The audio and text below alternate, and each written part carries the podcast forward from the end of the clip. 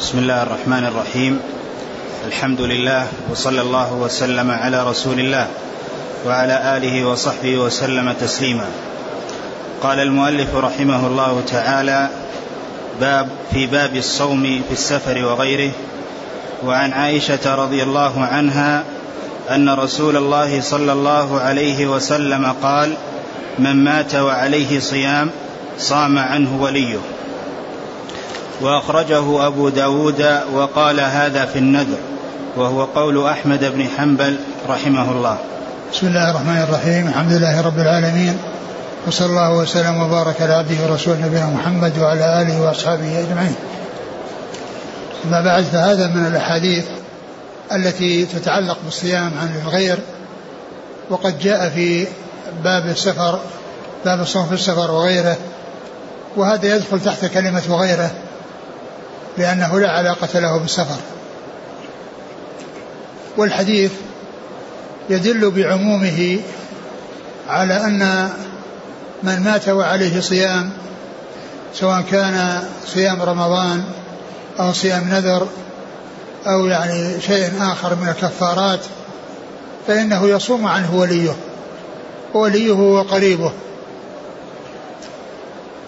من مات وعليه صيام صام عنه وليه. والصيام الذي سواء كان واجبا عليه بأصل الشرع كرمضان أو واجبا بإيجاب نفسه أو إيجابه على نفسه كالنذر وغير ذلك من الأشياء التي تلزمه من الكفارات فإن وليه يصوم عنه إلا أنه إذا كان الصيام عن شهرين متتابعين فإن القضاء يحكي الأداء فإنه لا بد من التتابع. القضاء يحكي الأداء. والذي يلزمه الصوم في رمضان هو الذي آه، تركه لسفر أو لمرض. فإن فإنه يقضى عنه إذا مات. ومن أصابه مرض وأفطر في رمضان واستمر معه المرض حتى مات فإنه لا صيام ليس عليه صيام. لا لا يجب على لا, يجب لا يكون عليه قضاء لا يكون له قضاء لأنه ما تمكن من القضاء وإنما الذي يقضى عنه هو الذي تمكن من القضاء ولم يفعل. بأن يكون مسافرا أو يكون مريضا ثم شفي وعاش بعد ذلك يستطيع الصيام ولم يصم فإنه يصوم عن فإن فإن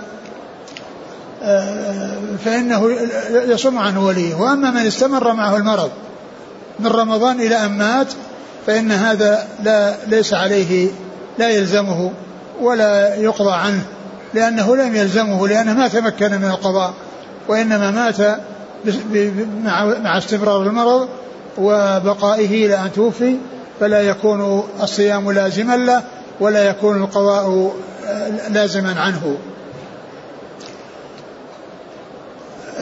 من مات وعليه صيام صام عنه وليه. وذكر الولي هنا من أجل أن القرابات يعني يكون بينهم التراحم ويكون بينهم التواصل ويكون بينهم الإحسان وأنهم أولى الناس بأن يقوموا بالإحسان إليه. لكن لو صام عنه أجنبي فإنه لا بأس بذلك. لو صام عنه صديقه وإن لم يكن وليه فإن ذلك يجزئ ولا بأس بذلك. ولكنه ذكر الولي لأن الولي من شأنه أن يكون حريصا على تخليص ذمة قريبه وعلى الإحسان إلى قريبه. والمسألة اختلف فيها العلماء على أقوال. منهم من قال يصوم يصام عنه وهو الذي دل عليه هذا الحديث. ومنهم من قال إنه لا يصام عنه. ومنهم من قال إنه يصام النذر دون غيره. يصام عنه النذر دون غيره لأنه جاء في بعض الأحاديث ذكر النذر لكن هذا لا يدل على القصر عليه لأن عموم الحديث الذي معنا هو المعتبر وكون النذر جاء في بعض الروايات أو في بعض الأحاديث لا يعني قصر الحكم عليه لأنه من قبيل القاعدة المشهورة التي هي أن الحكم على الخاص بحكم العام لا يقصر عمومه عليه وإنما ذكر آه، آه، ذكر آه، خاصا مع أنه داخل في العموم فلا يكون حكم العام مقصورا على ذلك الخاص بل ذلك الخاص داخل في ذلك العموم وغيره أيضا داخل في هذا العموم وعلى هذا فالأقرب والأولى أنه يصام عنه مطلقا سواء كان فرضا واجبا عليه بأصل الشرع أو واجبا عليه بإيجاب نفسه عليه من نذر أو كفارة. نعم. وعن عبد الله بن عباس رضي الله عنهما قال جاء رجل إلى النبي صلى الله عليه وسلم فقال يا رسول الله إن أمي ماتت وعليها صوم شهر أفأقضيه عنها؟ فقال لو كان على أمك دين أكنت قاضيه عنها؟ قال نعم. قال فدين الله أحق أن يقضى. وفي رواية جاءت امرأة إلى رسول الله صلى الله عليه وسلم فقالت يا رسول الله إن أمي ماتت وعليها صوم نذر أفأصوم عنها؟ فقال أرأيت لو كان على أمك دين فقضيتيه؟ أكان يؤدي ذلك عنها؟ قالت نعم. قال فصومي عن أمك. ثم ذكر هذا الحديث عن ابن عباس رضي الله عنهما أن رجلا جاء إلى النبي صلى الله عليه وسلم وقال أمه إن أمي عليها صوم شهر. وهذا مطلق. يعني صوم شهر يعني قد يكون نذرا وقد يكون آه، غير نذر. قد يكون يعني صيام رمضان.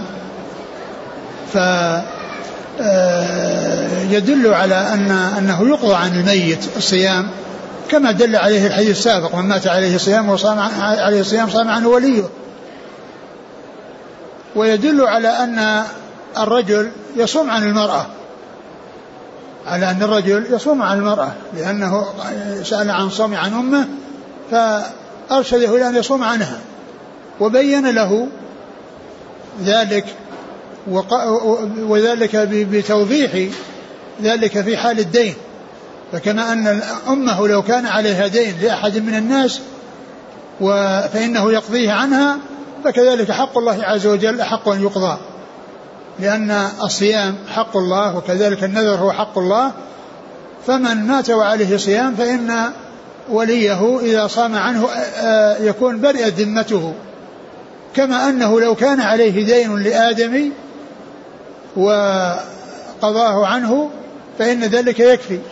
وهذا فيه إثبات القياس. وأنه من جملة وهو من جملة الأدلة التي يستدل بها في الأحكام. والقياس هو إلحاق فرع بأصل في حكم لجامع بينهما. أركانه أربعة. فرع مقيس وأصل مقيس عليه وحكم ألحق به الفرع بالأصل وعلة هي السبب في التساوي بين الأصل والفرع.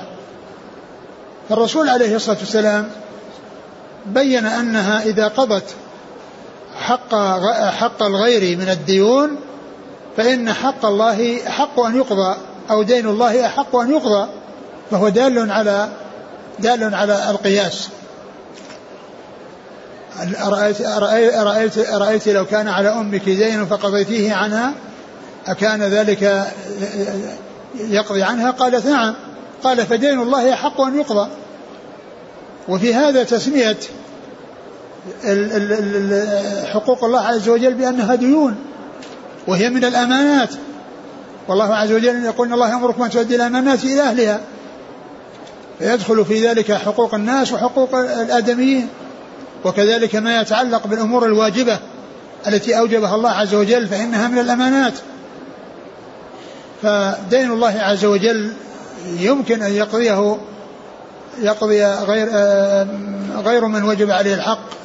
إذا مات فإنه يقضيه وكذلك يكفيه فكذلك حق الله عز وجل فإنه يكون أحق بأن يقضى كما بين ذلك رسول الله صلى الله عليه وسلم. نعم. وعن سهل بن سعد الساعدي رضي الله عنه أن رسول الله صلى الله عليه وسلم قال لا يزال الناس بخير ما عجلوا الفطر. وهذا الحديث يدل على آه، استحباب تعجيل الفطر بعد تحقق غروب الشمس. وفي ذلك الثناء على من يفعل ذلك لأنه متبع للسنة.